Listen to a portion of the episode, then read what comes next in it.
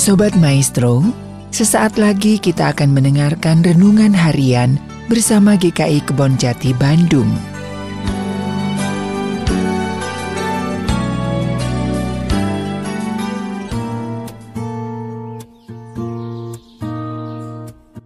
Shalom jemaat yang dikasih Tuhan.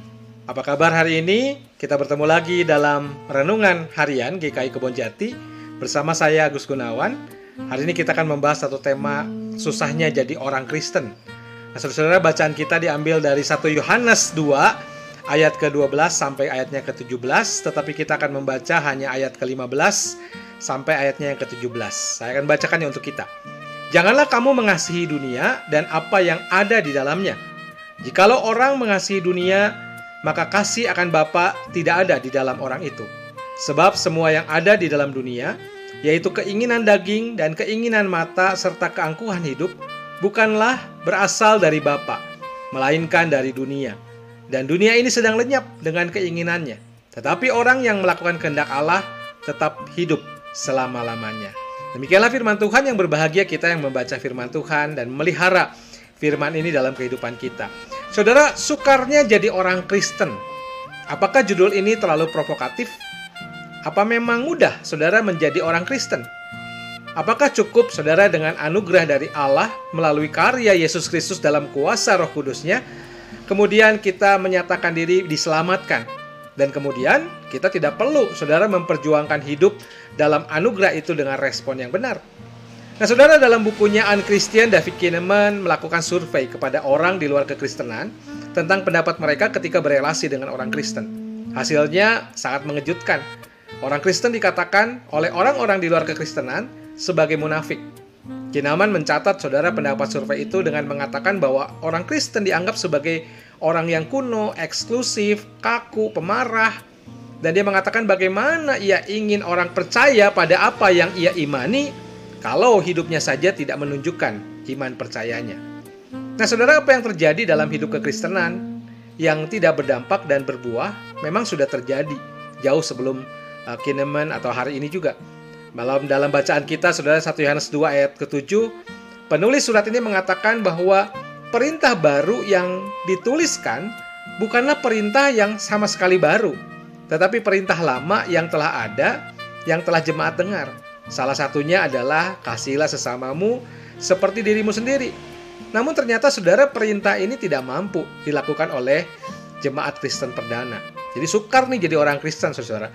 Maka itu surat 1 Yohanes memperlihatkan bagaimana jemaat Kristen menghadapi yang namanya perpecahan antara pengikut Yesus yang sejati dan mereka yang memiliki pandangan yang sesat pada saat itu. Nah, oleh sebab itu saudara tampaknya surat 1 Yohanes dan surat Yohanes yang lainnya agaknya ditulis untuk mendorong jemaat agar tetap teguh berpegang pada kebenaran bahwa Yesus adalah anak Allah, adalah sungguh manusia, dan benar-benar menumpahkan darahnya untuk menyucikan manusia dari segala dosa, saudara. Seperti yang dinyatakan dalam uh, pasal 1 ayat ke-7. Tetapi jika kita hidup di dalam terang, sama seperti dia ada di dalam terang, maka kita beroleh persekutuan seorang dengan yang lain. Dan darah Yesus, anaknya itu, menyucikan kita daripada segala dosa. Nah, saudara pada waktu itu tampaknya ada anggota jemaat yang secara keliru beranggapan bahwa Yesus kelihatannya seperti manusia. Namun sebenarnya dia adalah makhluk rohani. Mereka juga meyakini bahwa kehidupan rohani lebih penting daripada kehidupan moral dan pengetahuan rohani lebih penting dari kaidah-kaidah moral. Mereka mengajarkan bahwa norma-norma moral itu hanya berlaku bagi orang yang tidak mampu melihat jauh dari kehidupan fisik saja. Orang-orang ini misalnya saudara meyakini bahwa mereka telah dilahirkan kembali secara rohani. Hal itu kemudian membuat mereka tidak mungkin lagi berbuat dosa dan karena itu mereka mengatakan tidak ada dosa yang perlu diakui. Padahal dalam uh, pasal 1 ayat 9 dan 10 penulis Injil Yohanes mengatakan jika kita mengaku dosa kita maka ia adalah setia dan adil sehingga ia akan mengampuni segala dosa kita dan menyucikan kita dari segala kejahatan. Jika kita berkata bahwa kita tidak ada berbuat dosa, maka kita membuat dia menjadi pendusta dan firman-Nya tidak ada di dalam kita. Maka itu saudara, sementara itu anak-anak Allah yang sejati pada saat itu percaya bahwa Yesus telah datang sebagai manusia. Dalam uh, pasal 4 ayat 2. Dikatakan demikianlah kita mengenal roh Allah. setiap roh yang mengaku bahwa Yesus Kristus telah datang sebagai manusia itu berasal dari Allah dan dia sungguh-sungguh anak Allah. Dan itu bisa saudara baca kemudian di pasal 2 ayat 22 dikatakan siapakah pendusta itu? Bukankah dia yang menyangkal bahwa Yesus adalah Kristus? Dia itu adalah antikristus, yaitu dia yang menyangkal baik Bapa maupun anak. Maka itu selain itu anak-anak Allah yang sejati adalah orang-orang yang kemudian juga taat kepada Allah dan saling mengasihi, terlihat di dalam praktek kehidupannya. Saudara bisa membaca misalnya dalam pasal 3 ayat 11 sampai 14. Hanya orang yang percaya bahwa Yesus Kristus adalah benar-benar manusia dan yang mengasihi sesamanya itulah yang akan dikatakan memiliki hidup yang kekal. Nah, saudara, satu Yohanes surat ini tampaknya ditulis sekitar abad pertama atau abad kedua. Pada masa itu jemaat Kristen perdana memang mencoba merumuskan apa ciri khas anak-anak Allah yang sejati. Pada saat itu juga muncul berbagai aliran keagamaan dan yang cukup menonjol adalah aliran gnostik pada saat itu, saudara, yang berpandangan bahwa dunia materi ini adalah jahat, sedangkan dunia rohani adalah baik. Dan menurut para penganut aliran Gnostik, tujuan hidup manusia adalah memperoleh pengetahuan khusus yang kemudian akan membebaskan diri mereka dari dunia yang nyata ini. Itulah pengetahuan yang tertinggi yang dinyatakan akan memisahkan manusia dari dunia yang jahat itu. Tetapi penulis Yohanes satu Yohanes ini memperlihatkan bahwa Allah lah yang menciptakan dunia ini. Allah justru mengasihi dunia ini.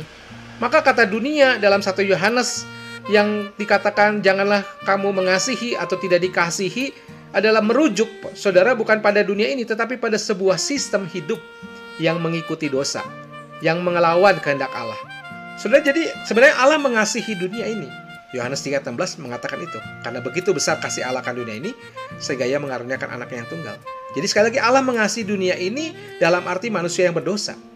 Tetapi Allah memerintahkan kemudian memerintahkan kita untuk tidak mengasihi dunia dalam arti sistem hidup yang mengikuti kecenderungan dosa. Maka itu Allah justru mengutus Yesus untuk membebaskan dunia dari kejahatan dan mempersatukan dunia ini dengan Allah. Oleh sebab itu, saudara, kehidupan kita di dunia ini melalui kata dan karya akan menunjuk pada siapa atau apa yang sebenarnya kita cintai. Nah, semoga saudara cinta kita tertuju pada Allah.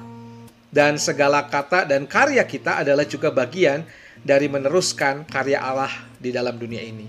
Memang sukar saudara menjadi orang Kristen tetapi ada anugerah yang memampukan kita.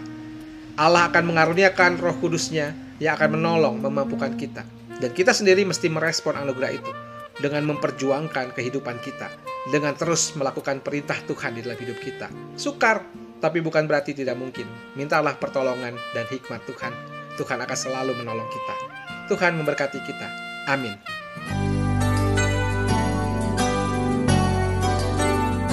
Sobat Maestro, baru saja Anda mendengarkan renungan harian bersama GKI Kebon Jati Bandung. Tuhan Yesus memberkati.